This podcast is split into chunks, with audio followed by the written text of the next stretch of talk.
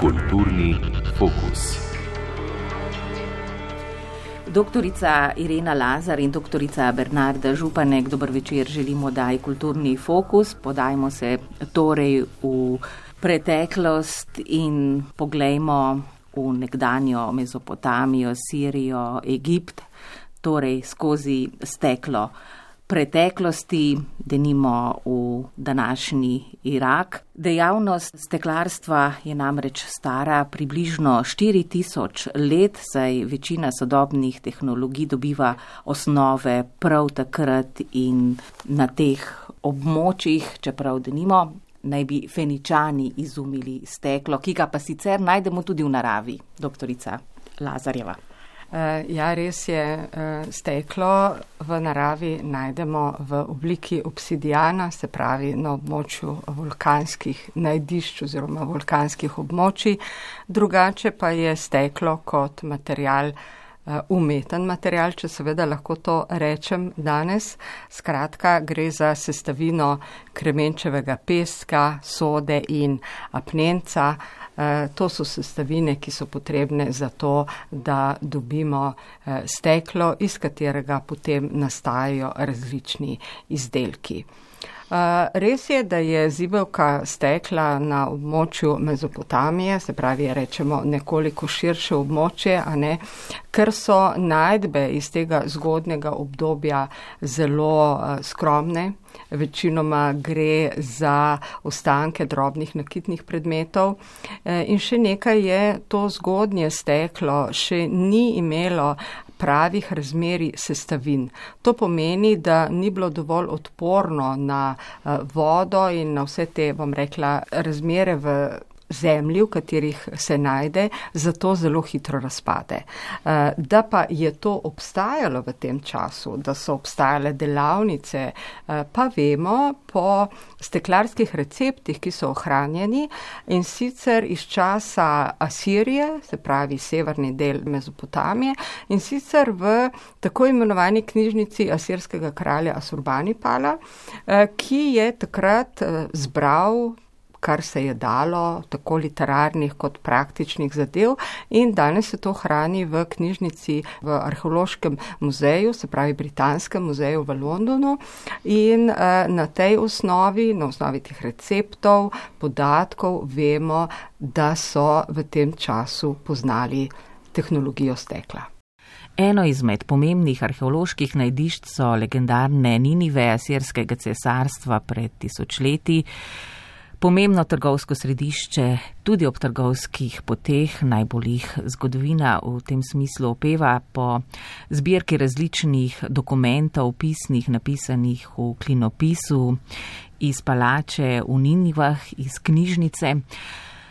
To je najdišče prepisov Epa o Gilgamešu. Zdaj, ali lahko pomembnost najdišča glinenih ploščic in pisave usporejamo tudi z omembami in razvojem steklarske obrti. Z najdišči prvih, recimo, zapisanih besed ali pa, da nimo, prvih eh, znakovnih pisav. Uh, zdaj, te recepti, ki so se ohranili, so seveda iz mlajšega obdobja, se pravi iz sedmega stoletja pred našim štetjem. Vse to je zapisano v klinopisu uh, in tudi asirologi, ki so dešifrirali pravzaprav te, ta besedila in te recepte, imajo še danes nekaj težav, da bi pravilno interpretirali vse pomene. Ohranjeni so recimo opisi, kako pripraviti peč, potem so ohranjeni opisi, kako pripraviti različne barve stekla, tako da vemo, da so že od vsega začetka poznali tudi barvanje stekla, kajti naravne sestavine dajo steklu tako modro-zelenkasto barvo, kot jo poznamo še danes. In da je šlo pravzaprav za neke vrste postopek, ki so ga takrat uh, želeli ohraniti kot neko skrivnost ali v svetiščih ali v nadvorih uh, in dolgo časa ohranjali vladarski monopol nad izdelavo stekla. Torej, poznamo tako domiselne oblike kot motive, tudi izbrane barve. Seveda, steklo ni samo ravna ploskov, ampak že od vsega začetka je pravzaprav to tudi obrt in umetnost hkrati, ima pa tudi veliko simbolnih pomenov, da nimo stekleno oko naj bi odvračalo poglede in bi imelo neko božansko moč, torej je pomenilo tudi dolgoživost, trdoživost. Sploh v starem Egiptu je steklo imelo velik pomen, da nimo tudi za faraonsko oziroma za faraona samega. Res je. Eh, kot sem prej omenila, vemo, eh, da je steklarska proizvodna v Egiptu, se pravi, to je bilo v času recimo faraona Tutmozisa III. v obdobju Novega kraljestva, eh, obstajala na cesarskem dvoru, se upravičujem, na kraljevem faraonovem dvoru, da sem bolj natančna. No in ohranile so se posode, manjše posode, na katerih je ohranjena kartuša, se pravi, to je ta ovalna ploščica, v kateri je zapisano ime faraona. In iz tega vidika seveda mi poznamo eh, te, eh, komu je, so te posode pripadale. No, če se pa vrnemo seveda na ta, eh, bom rekla, apotropejski, drugoten pomen stekla, pa vemo, da so v Egiptu že izdelovali tudi številne amulete v obliki recimo očes, pa v obliki anha, ki preživlja eh, tega simbola življenja in tako dalje. In seveda, če omenimo, to je bilo vse obarvano steklo, ki je svojo rumeno, temno modro, turkizno barvo, belo barvo, pravzaprav na nek način posnemalo druge plemenite materijale, kot so zlato, uh, poldrago kamenje, s katerim so se, če govoriva o Egiptu, uh, krasili faraoni, faraonke in seveda drugi. No, morda o zgodovini različnih tehnik nekoliko pozneje, kajti na samem začetku ne poznamo še denimo steklenih posod ali pa kozarcev, tisto, kar je pozneje večinoma izdelano iz stekla, ampak je predvsem to nakit denimo. E, res je, večinoma so ti najstarejši izdelki steklene jagode. To je seveda tudi povezano s tem, da za obdelavo stekla in steklenih jagod ne potrebuješ velike peči, se pravi, tehnologija je lahko dovolj enostavna, ne potrebuješ ekstremno visoke temperature in eh, potem, ko je enkrat steklo staljeno in ko steklar obvlada to rekovanje s kovinsko palico ali pa neke druge vrste palico, eh, s katero se te jagode oblikujejo, eh, ta proizvodna poteka poteka dovolj hitro. To vemo potem, ker smo seveda arheologi in drugi raziskovalci stekla eh, na osnovi sodobnih delavnic, ki še delajo seveda na star način, to je recimo v Turčiji, v Egiptu, v Kajru je dolgo obstajala taka delavnica. S tem opazovanjem in s temi primerjavami eh, lahko razumemo bolj natančno, kako so se te tehnike razvijale in kako je tekel postopek izdelave. No, če so v zgodnejših civilizacijah ti predmeti iztekle, torej iz prve umetne mase pomagali tudi v onostranstvo, lahko govorimo, da tudi v Sloveniji in Avstriji, se pravi na območju današnje Slovenije in Avstrije, so prve steklene najdbe znane iz obdobja kulture žarnih grobišč, torej iz bronaste v železno dobo iz tega eh, časa. Kaj torej je značilno za ta prostor tukaj, za razliko od tistih prostorov prvih civilizacij, recimo v Sredozemlju? Tudi na našem prostoru v obdobju prazgodovine, se pravi, zdaj govorimo tam okrog 1200-1300 eh, let pred našim štetjem, prehod bronaste v železno dobo, kultura žarnje grobišča, ne, so prvi predmeti predvsem uh, okrasne jagode. In to prav gotovo v ta prostor prihaja kot import, se pravi, to je bilo odnekod prineseno, uh, verjetno prav gotovo je šlo za neke trgovske izmenjave. Vemo, da v tem eh, obdobju že obstajajo ti eh, medsebojni stiki kultur, stiki sredozemljem, odkudar pravzaprav steklo kot material in kot izdelek izvira. In uh, potem se, bom rekla, uporaba stekla predvsem v, klip, v obliki nakitnih predmetov, se pravi jagod, oblok na fibulah, spravi kovinskih zaponkah za spenjanje obleke. Nadaljuje tudi skozi starejšo železno dobo. No, starejša železna doba je pa pri nas v Sloveniji tista in tudi, če rečem, na območju jugovzhodnih Alp, ko se pojavijo prve majhne steklene posodice ki so zelo zanimive, so res izjemno majhne. Poznamo jih recimo iz uh, grobišča Mosta Soči v bližini z Italijo. Poznamo odlomke tudi iz ene prazgodovinske železnodobne gumile uh, pri uh, v bližini celja. Črnolica, kjer so bile izjemno bogate najdbe z uvoženimi izdelki iz severne Italije, bronastimi izdelki in tako dalje. In uh, oblikovanost teh posodic uh, da slutiti, da so bile verjetno uporabljane, težko, da bi bile uporabne za pitje, ker je zelo majhna recipient, tudi ustje je tako oblikovano, imele so ročaj, kar pomeni, da so jih morda uporabljali za neko zajemanje neke tekočine pri nekih posebnih priložnostih. Lahko tudi malo spekuliramo, pa rečemo morda pri kakšnih banketih za zajemanje pijače in tako dalje. Bernarda, doktorica Bernarda Županek, če je bila najstarejša steklena jagoda, bila odkrita v dobovi v grobu iz 11. stoletja pred našim štetjem, kaj pa v sami Emoni, tudi tukaj imamo nekaj zelo lepih in dragocenih najdb, ki so se ohranile. In jih hranite tudi v Mestnem muzeju v Ljubljani. Tako je, tudi v Mestnem muzeju v Ljubljani hranimo čudovite steklene najdbe iz rimske imune.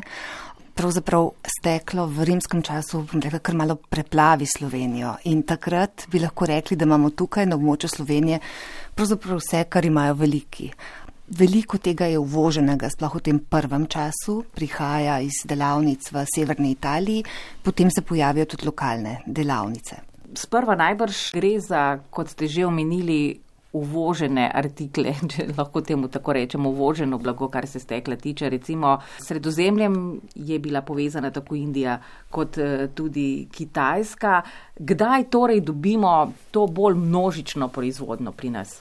Bolj množična proizvodnja uh, stekla se seveda začne potem, ko je bilo odkrito pihanje stekla. Pihanje stekla je pravzaprav steklarska tehnika, ki omogoči, da se lahko v nekem hitrem času naredi veliko količino posodja. To zelo seveda poceni izdelavo in uh, potem, ko je bilo v sredi prvega stoletja pred našim štetjem to odkrito nekje na območju današnjega Izraela, Jeruzalema, če seveda sodimo po tistih najstarejših najdbah.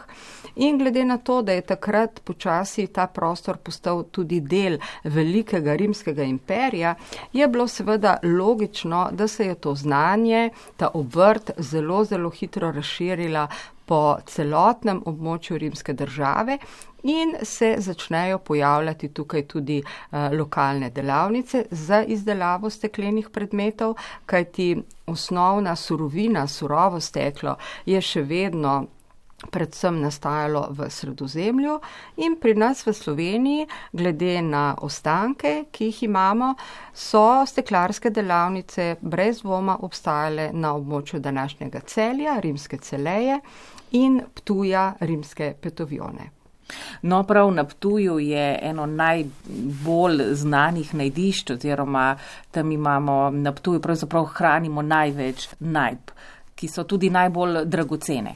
Ja, Ptuj je brez dvoma bogat, eh, lahko pa rečem, da glede na zadnje avtotestne raziskave, nove raziskave, recimo, ki so potekale tudi v Emoni v zadnjem času, bi eh, lahko rekli, da eh, se po kvaliteti umetniških izrazih in tako dalje, lahko kar enačimo petoviono z emono, pa morda seveda tudi celejo, to so bila rimska mesta, kjer najdemo v grobovih, v naselbini zelo kakovostno gradivo. Potem je pa tukaj še neko novo najdišče, eh, ki je bilo ravno tako zelo bogato steklenim gradivom raziskano v letih med 2002-2004 in sicer v bližini Drnovega, to je ribnica Romula na Dolenskem, to je bila obcestna postaja, ki je nastala v prvem stoletju in tam lahko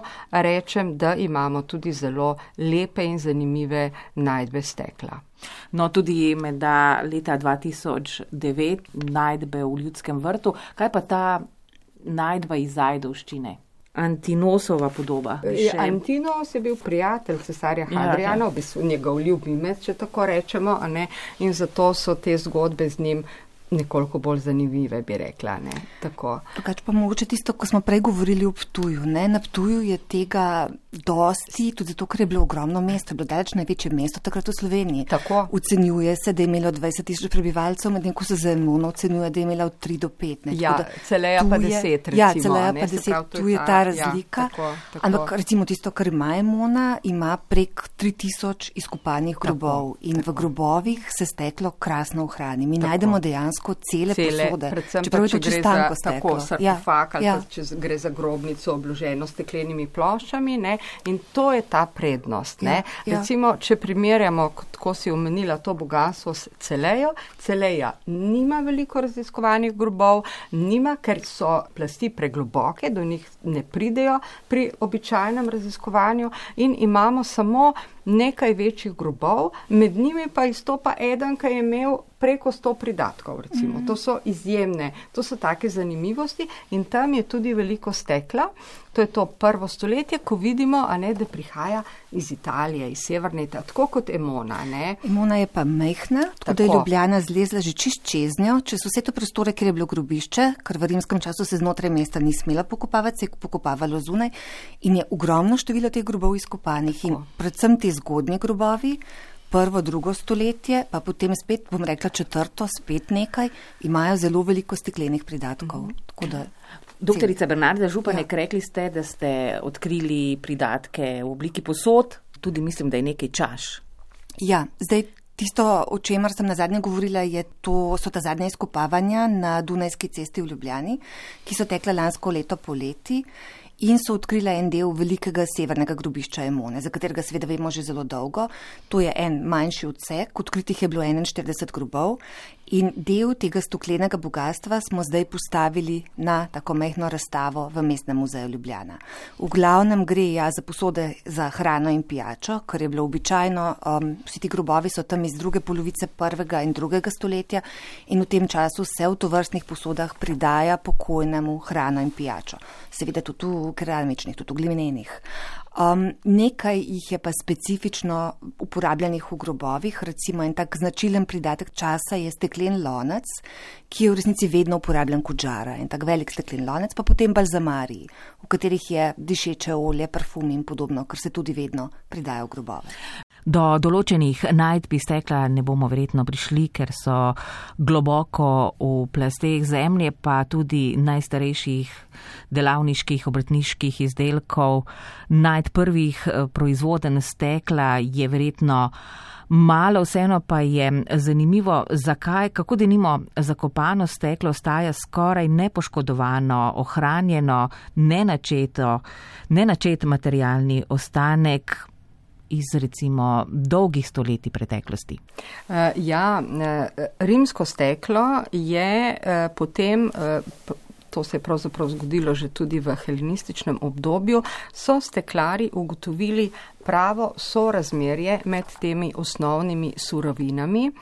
In sicer to rimsko steklo rečemo, da je natrijevo steklo, ker so dodajali natron, se pravi, to je soda iz naravnih surovin, ki jo najdemo recimo v Egiptu, v vadi na trunu, potem najdemo to surovino tudi v Grčiji, pri jezeru Pikrolimini in tako dalje.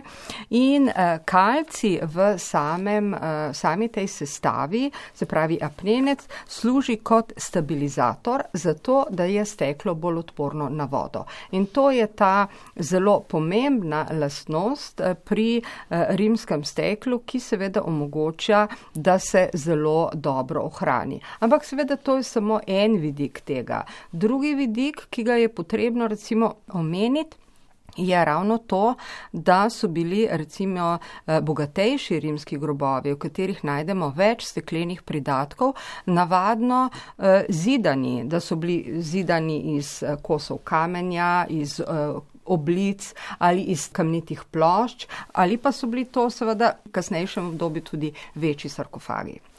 In tukaj nastane neko, bom rekla, eh, okolje, ne, ki seveda zaradi neprisotnosti nekih eh, elementov eh, ne škodujejo steklu in tako se te steklene najdbe tako dobro ohranijo.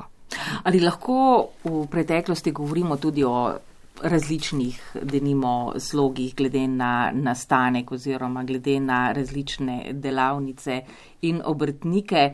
Staro rimsko obdobje seveda veliko prenese iz helenističnega, vendar le pride tudi do veliko izboljšav. Eh, Prej ste govorili o tehniki prostega pihanja v prvem stoletju, predtem so se ti izdelki izdelovali ali so bili narejeni predvsem v kalupih. To se seveda nekaj časa še ohrani. Danes verjetno poznamo samo eh, še to tehniko pihanja oziroma druge novejše tehnike. Eh, no, eh, današnji steklari, seveda, če govorimo o industrijskem delu, ne, so pretežno vezani na uporabo strojev, stiskanje stekla, pihanje v kalupe. Pihanje stekla kot tako, če damo kot primer rogaške, ne, je nekaj, kar je seveda danes uh, drago, ker zahteva dražjo delovno silo, ker zahteva seveda izkušene steklarje, rokodelce, mojstre in to spet v primerjavi s to masovno proizvodno sodi v popolnoma drugačen cenovni razred, a ne kot uh, uporaba strojev v sodobni tehnologiji. Če se pa vrnemo na antično steklo, na izdelavo stekla v tem obdobju, pa lahko rečemo, da je bila seveda najzahtevnejša in najdražja izdelava prav izdelava posod v kalupih. In sicer iz razloga, ker je bilo potrebno če govorimo recimo o mozaičnem steklu, te male živopisne ploščice najprej pripraviti iz dolgih steklenih palčk, potem je bilo to potrebno segreti, raztegniti, narezati, oblikovati disk in šele ko je bil oblikovan disk, se je to lahko oblikovalo v kalup, v posodo in tako dalje. In to, če seveda si predstavljamo vse te postopke, je nujno pomenilo, da so bili ti izdelki zelo dragi in so jih lahko kupovali ali naročali eh, samo tisti najbogatejši. Potem pa jasno, rimljani prevzamejo od eh, helenističnih mojstrov, kar so oni poznali, eh, so pa seveda nadgradili to obrt s prostim pihanjem in tudi s tehniko pihanja v kalup. Pihanje v kalup je pravzaprav zadnja tehnika, ki nastane v razvoju steklarstva in lahko rečemo, da so rimljani razvili vse tehnike obdelave stekla, ki jih poznamo in porabljamo še danes. Zdaj, kar se stila tiče, tisto, kar se je meni vedno zdelo zelo fascinantno, je, da v rimskem času tisti zelo, zelo bogati imajo, uporabljajo na mizno posodje krasno izdelano iz srebra in pozlačeno, recimo. In potem se ti iste oblike ponavljajo, delajo v steklu in v keramiki za tiste, ki imajo malo manj ali pa veliko manj, mogoče tudi ne, uh mhm. -huh. ki pa si še vedno lahko privoščijo in sledijo modi, ki jo imajo tisti čisto na vrhu. Tako. No, to je najbrž tako imenovano kamejsko steklo, gre tudi za vrezovanje podob v podlago reliefe, bele figurice na, torej, na temni osnovi. To je bilo eno izmed najdražjih, tudi mozaično steklo, teže dostopno. Vendar le neke raziskave v Pompejih naj bi pokazale, da gre tudi za velike količine steklarskih izdelkov za vsakdanjo rabo v tem času, kajti razdrobljeno steklo so znali že stari rimljani reciklirati.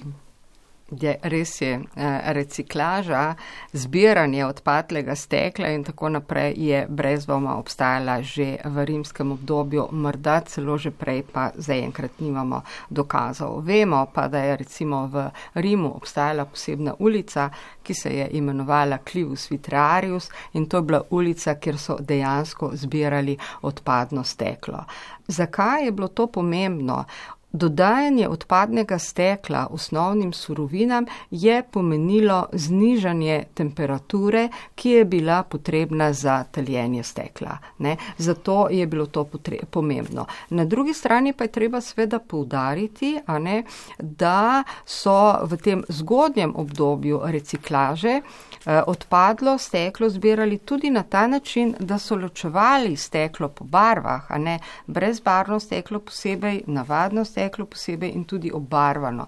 Zato, ker eh, brezbarvno steklo je bilo seveda takrat še posebej cenjeno, posebej dragoceno, ker je bilo potrebno dodajati eh, posebne minerale, to so bili ali antimon ali mangan, da so dobili popolnoma brezbarvno steklo rimski avtor Plini piše, da so rimljani eh, želeli s tem brezbarnim steklom posnemati posode iz kamene strele včasih so temu rekli gorski kristal, da se je celo lepše slišalo. Ne? Ampak kamena strela je uh, mineral, ki ga najdemo v naravi v različnih oblikah, velikostih teh, uh, vendar pa seveda ni bil dostopen vsakomor. In zelo lep nadomestek za posode iz kamene strele je izdelava posod iz brezbarnega stekla, potem se to okrašuje z vrezovanjem in tako dalje in nastajajo resnično zelo kakovostni izdelki. No, med te, bomo rekli, bolj luksuzne, večbarvne izdelke sodijo tudi posodice, kot ste že omenili, z zlatimi trakovi, tanke nitke tudi, ki so udelane v te posode. Kako?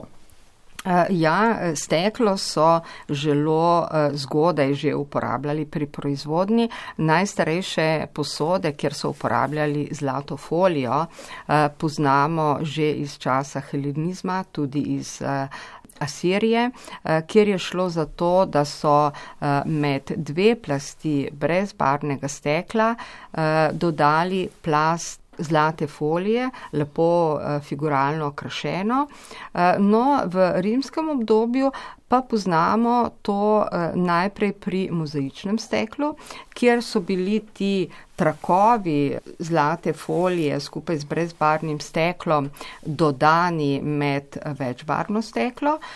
Kasneje v drugem, tretjem stoletju, pa potem seveda predvsem v pozni antiki, pa se začne uporabljati uh, medaljone, ki so vnaprej pripravljeni in uh, gre ravno tako za uh, dva sloja brezbarnega stekla. Med ta dva sloja pa je položena folija, na katero je seveda zlata folija, ki jo uh, okrasijo, ki jo oblikujejo v napise, oblikujejo v portrete in tako dalje. In te uh, medaljone, na ta način pripravljene, so lahko uporabili ali za dno posameznih posod, ali pa so te medaljone tudi uh, nekako nalepili oziroma pritalili po ustenju posod. To so seveda eh, izjemni kosi, take najdbe, nekaj posameznih takih najdb poznamo tudi iz Slovenije, eh, iz Ptuja, eh, pa iz planine na, v bližini Cerknice.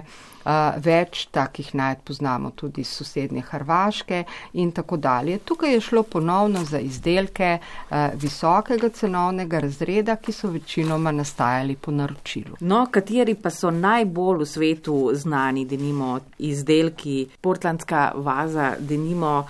In pa muzej v Neaplju, modra vaza. Likurgova čaša v Britanskem muzeju v Londonu, ta je taka po moje izjemni tehnološki dosežek, ja, ne pod ja osvetljena z ene strani rdeča, z druge zelena, to je neverjetno. Ja, najdragocenejši izdelki, ki jih recimo danes poznavalci stekla uvrščajo med posebnosti, so brez dvoma izdelki iz kamejo stekla. To so izdelki, ki so bili narejeni iz dveh plasti raznobarnega stekla. Prva plast je modra spodnja plast, zgornja plast je bela in potem, ko je bila posoda oblikovana, so to zgornjo belo plast z tehniko izrezovanja oblikovali v okrasni motiv. No, tako je nastala ta portlandska vaza, ki je hranjena v Britanskem muzeju. Eh, zdaj obstajajo seveda tudi še drugi eh, izdelki, čaše, recimo, ki jo hranijo v Korningu eh, v muzeju stekla v Združenih državah Amerike. Potem je pred dobrimi petimi leti prišla spet na plano izbirke še ena podobna vaza kot portlandska vaza z nekoliko bolj razgibanim okrasom, bolj rekla zanimivo sceno. Potem pa v času pozne antike pa nastajajo izdelki, ki jih imenujemo diatreta steklo. Tukaj pa gre spet za posebno tehniko, ko se posoda napiha eh, v večji debelini in se potem, ko je ohlajena, v posebnih delavnicah, tako seveda tudi kot kamejo steklo, začne izdelovati posebne vrste okras, ravno tako z vrezovanjem, odstranjevanjem površine, tako da nastane mrežasta eh, zunanja plast, ki je samo z manjšimi mostički, če lahko tako rečem, pritrjena na ustenje posode. To so zelo, zelo redki izdelki, zaenkrat jih v Sloveniji ne poznamo.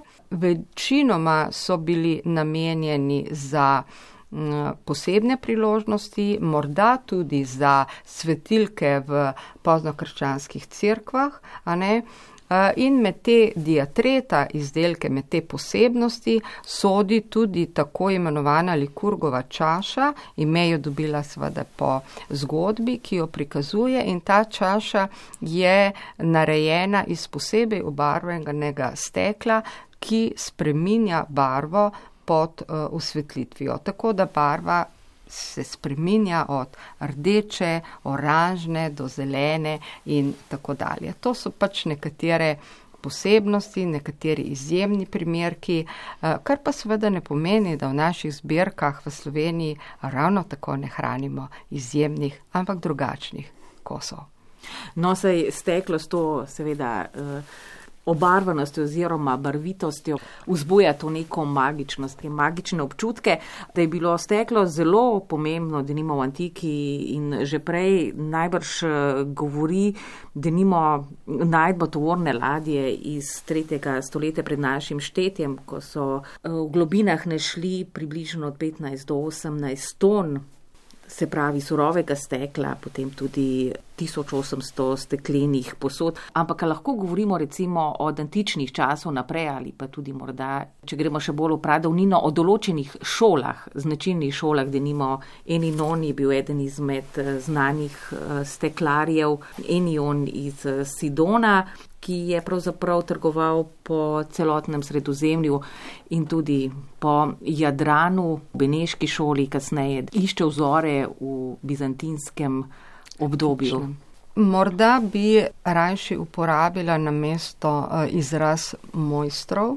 Uh, mi jih imenujemo mojstri, ker pravzaprav poznamo ime teh izdelovalcev uh, in težko odgovorimo, ali je šlo za mojstra obrtnika, ki je te predmete izdeloval, ali je morda šla za lasnika delavnice, ki je imel seveda organizirano to obrt in je svojimi izdelki trgoval na široko. V vsakem primeru je, to so imena Enion, Aristeas, potem Neikas in tako dalje. Pozname celo žensko ime, Sentija Sekunda iz Akvileja, recimo.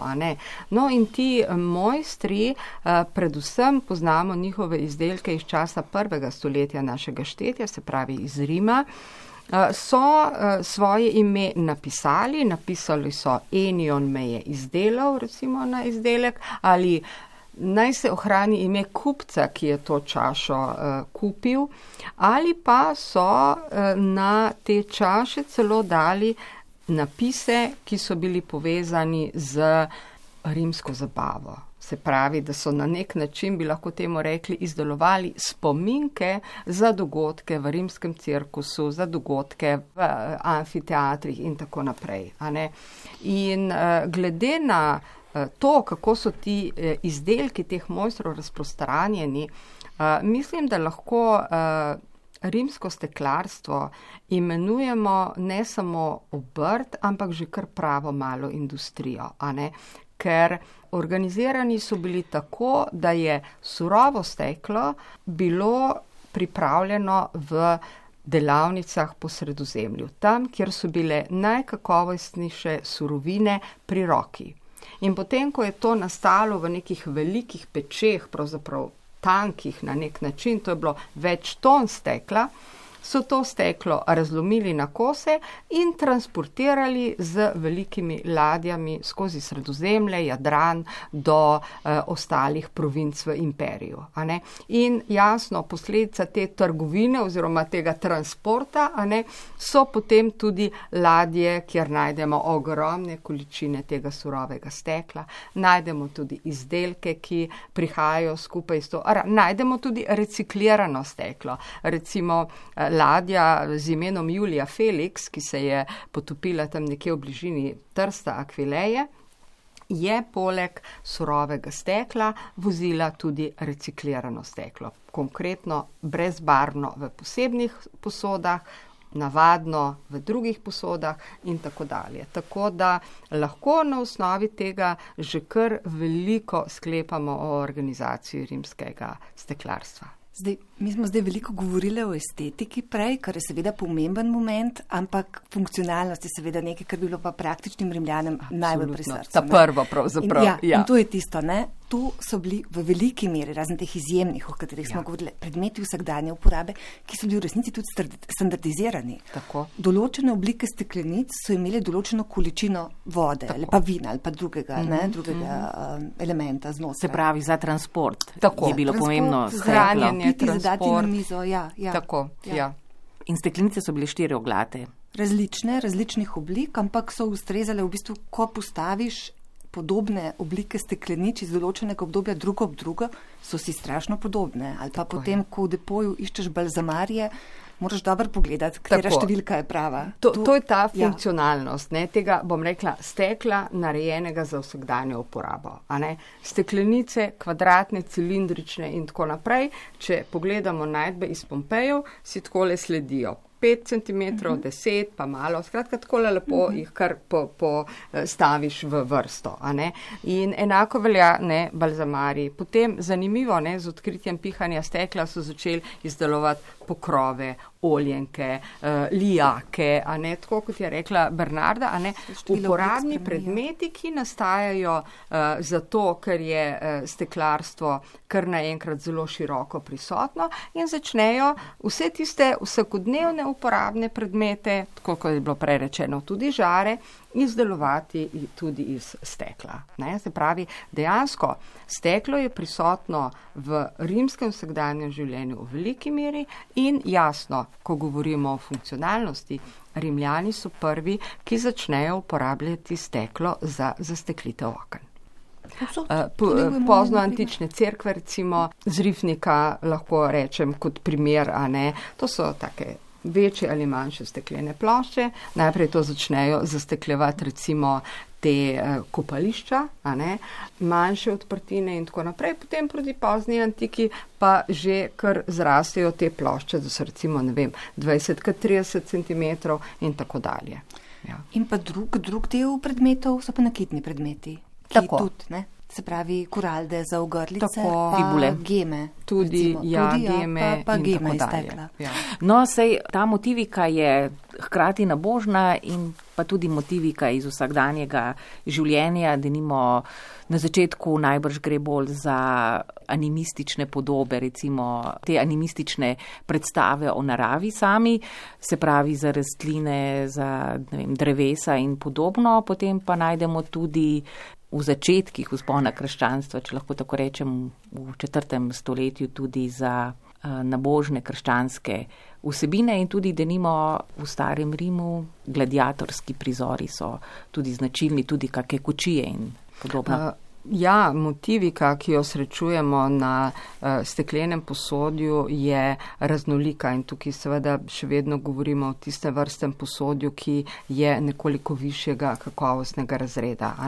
Ti uh, čaše z upodobitvami gladiatorskih igar, uh, dirkanja z vozovi in tako dalje, ne, odražajo en del uh, rimskega življenja. Uh, kasneje, seveda, ne, potem najdemo recimo upodobitve različnih božanstev, živali na gemah, uh, ki so jih izdelovali tudi iz stekla in so jih udelali v prstane ali ogrlice in tako dalje. Se pravi, tukaj imamo ta Eh, širok eh, razpon eh, rimskih božanstev.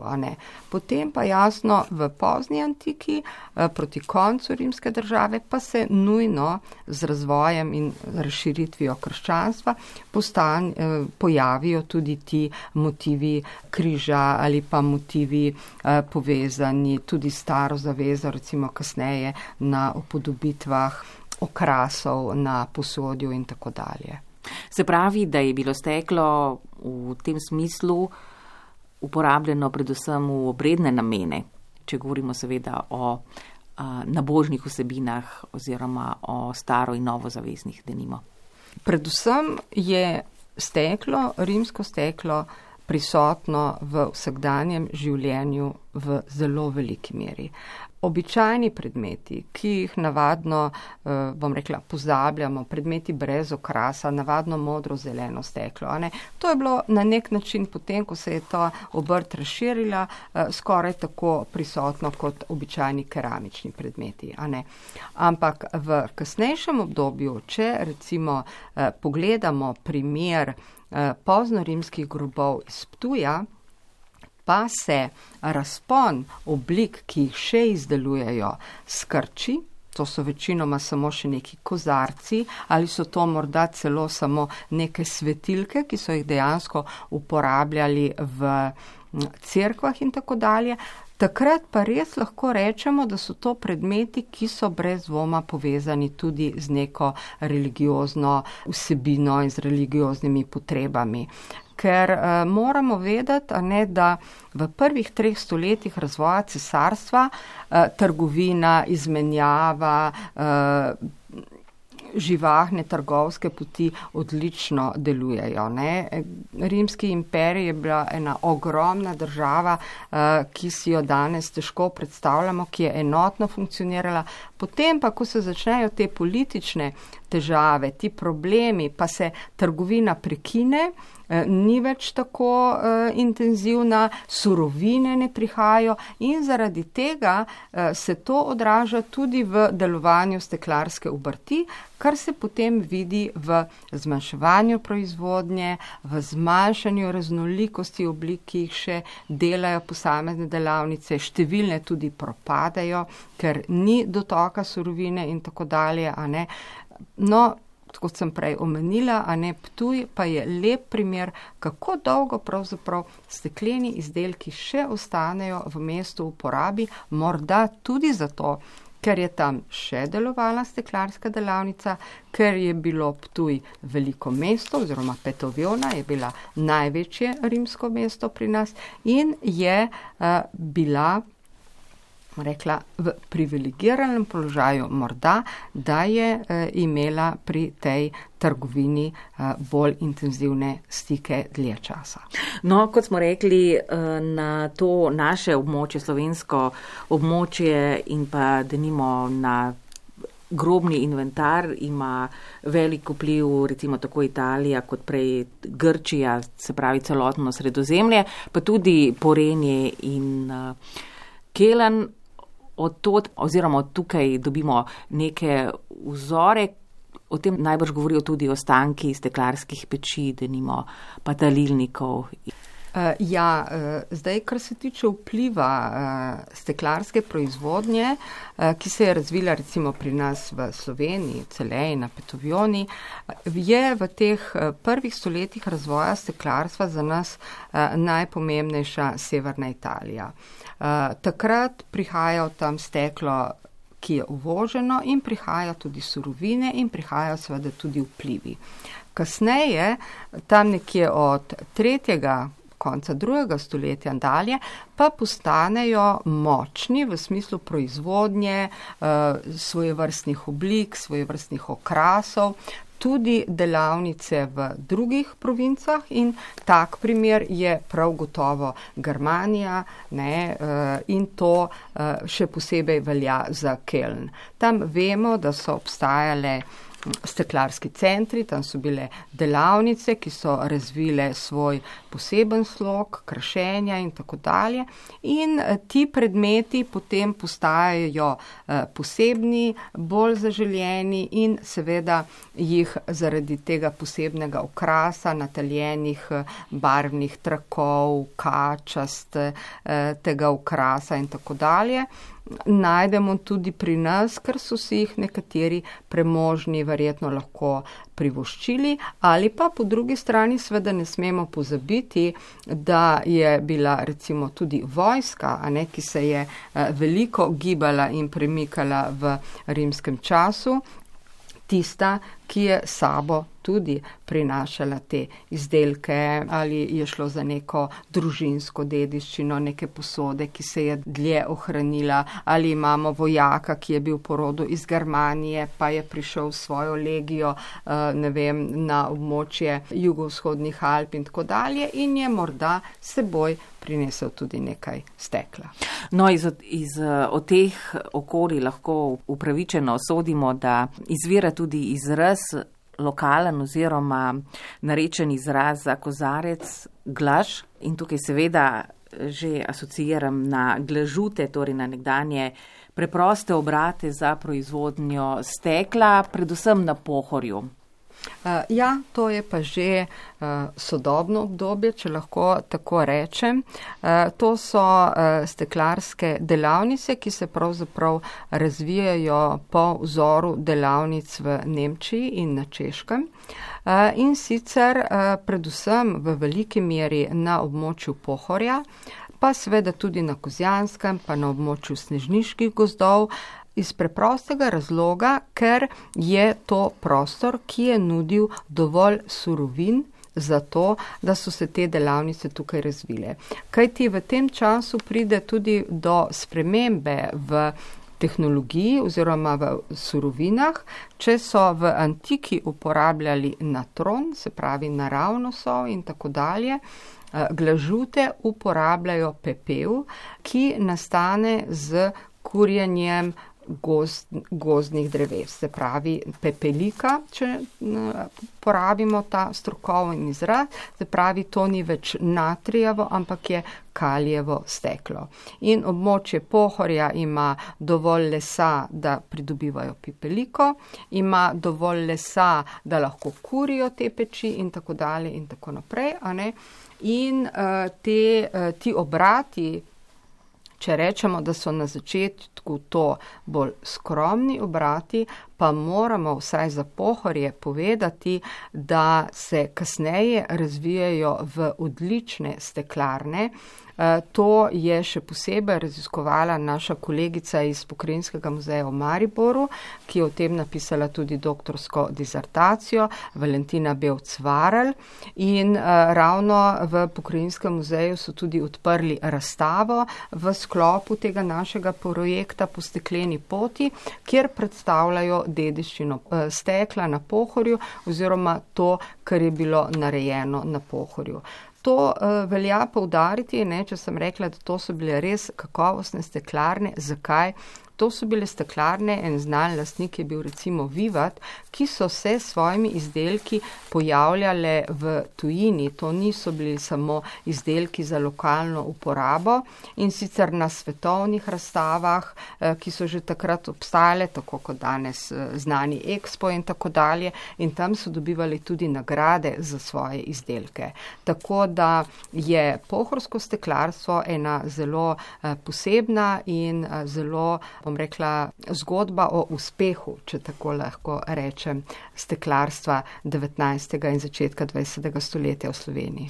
No, te uh, steklarne, recimo, ki so bile sicer izven eh, bolj naseljenih območij, so obstajale 10, 15, 20, nekatere tudi 100 let, ampak so nudile kruh uh, različnim delavcem, celotnim družinam veliko krat in pa seveda so tudi izvir oziroma izvor za različne poklice, ki pa so potem. Ja, uh, te, eh, bom rekla, te vasi, ne, okoli teh steklaren so bile res eh, dobro organizirane, a ne, Tam so živele cele družine, tam je bilo organizirano tudi, eh, bom rekla, zdravstvo, tudi šola in tako dalje.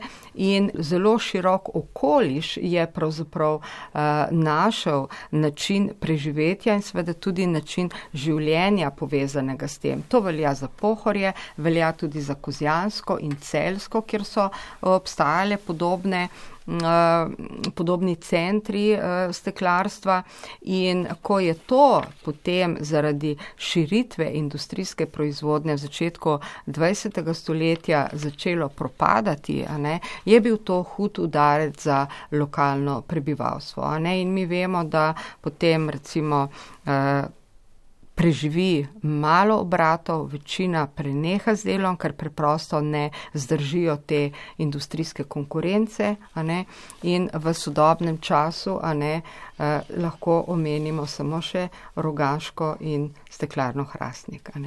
Zdaj, zgodba z steklarno uh, rogaška je bila taka, da ko so zaprli steklarsko šolo, steklarsko novo eh, in seveda, ko je bila tudi proizvodna v Rogaški zelo na dnu, so steklarski mojstri odhajali v sosedno Avstrijo in sicer v steklarno v Berenbachu, ker tam je bilo pomankanje izkušenih steklarskih mojstrov. No, eh, kot pa slišim od kolegov, se eh, ponovno obuja ročno pihani izdelki, kakovostni izdelki, ker se ponovno odpirajo trgi, kot je recimo bila uh, Amerika, se pravi Združene države Amerike, in uh, Rogaška naj bi ponovno začela zaposlovati uh, mojstre, ki znajo pihati steklo, mojstre, ki znajo tudi okraševati steklo, se pravi, to so posebne delavnice in tako dalje. Tako da je očitno tukaj luč, ki pelje naprej. Mhm.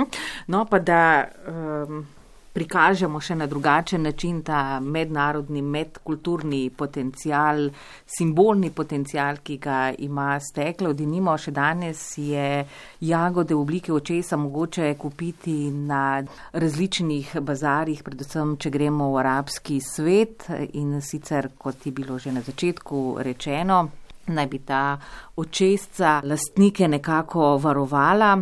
In uh, denimo v 18. oziroma začetek 19. stoletja pa v Selški dolini tudi uporabljajo te jagode, očitno starejših izvorov, za ljudi oziroma jih posojajo ljudem, ki imajo težave z očmi, pa ima dejansko steklo potencial oziroma ima kakšne zdravilne učinkovine v sebi. Eh, ne, steklo tega eh, nima v sebi. Eh, tukaj gre predvsem za verovanje in bolj za predmet, ki naj bi seveda to posebnost nosil v sebi, pa naj bo to stekleno oko kot tako ali pa seveda podoba steklenega očesa na nekem uh, kovinskem uh, nosilcu, če lahko tako rečem in tako dalje. Skratka, tukaj gre za to, kaj nekdo verjame, da mu pomaga. In seveda to je prisotno tudi pri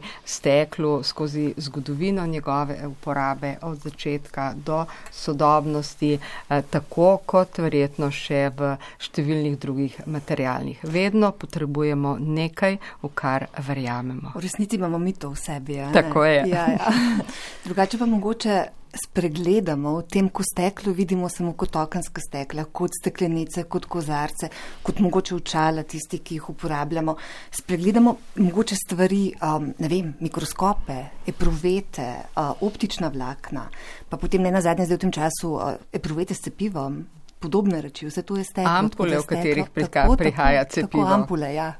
Ampule, v katerih prihaja cepivo, res je. Tako da mogoče uh, je to en tak Prav gotovo, ne. Univerzalno in čudovito je. Steklo. Tako, kako vse okrog nas pravzaprav, ne. Steklo je eh, element, material, ki je še vedno del našega življenja, naše kulture in tudi visoke tehnologije, a ne. Ja. Ker v okviru tega leta stekla so kar tri velike mednarodne konference posvečene prav tehnologiji stekla, pomenu stekla v teh najnaprednejših eh, razvojih in tako dalje. V bistvu nam optična vlakna omogoča omogočil to komunikacijsko revolucijo, ki smo ji priča, ne vem, zadnjih 15 let, 20 let. Recimo. Absolutno. Ja. Na drugi strani pa, a ne, ne smemo pozabiti, a ne, tudi na tist drugi del obstajajo še vedno in jih poznamo sodobni oblikovalci stekla, ki delajo izjemne izdelke, a ne tukaj pri nas je bila dolgo časa znana Janja Lap, potem je znana oblikovalka Pakova, ki je številne nagrade dobila za svoje izdelke. E, tako da e, steklo je še vedno na eni strani izjemno, izjemno uporaben material, ki pomaga sodobnemu človeku pri najnaprednejših tehnologijah,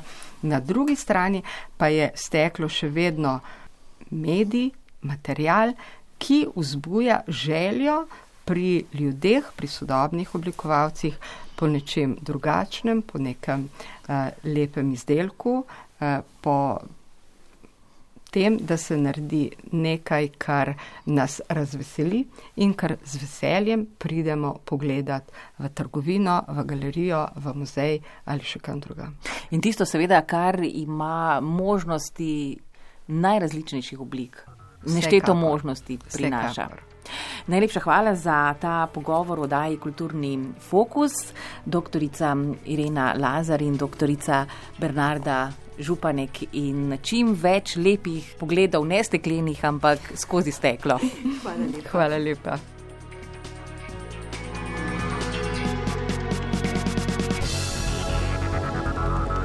Kulturni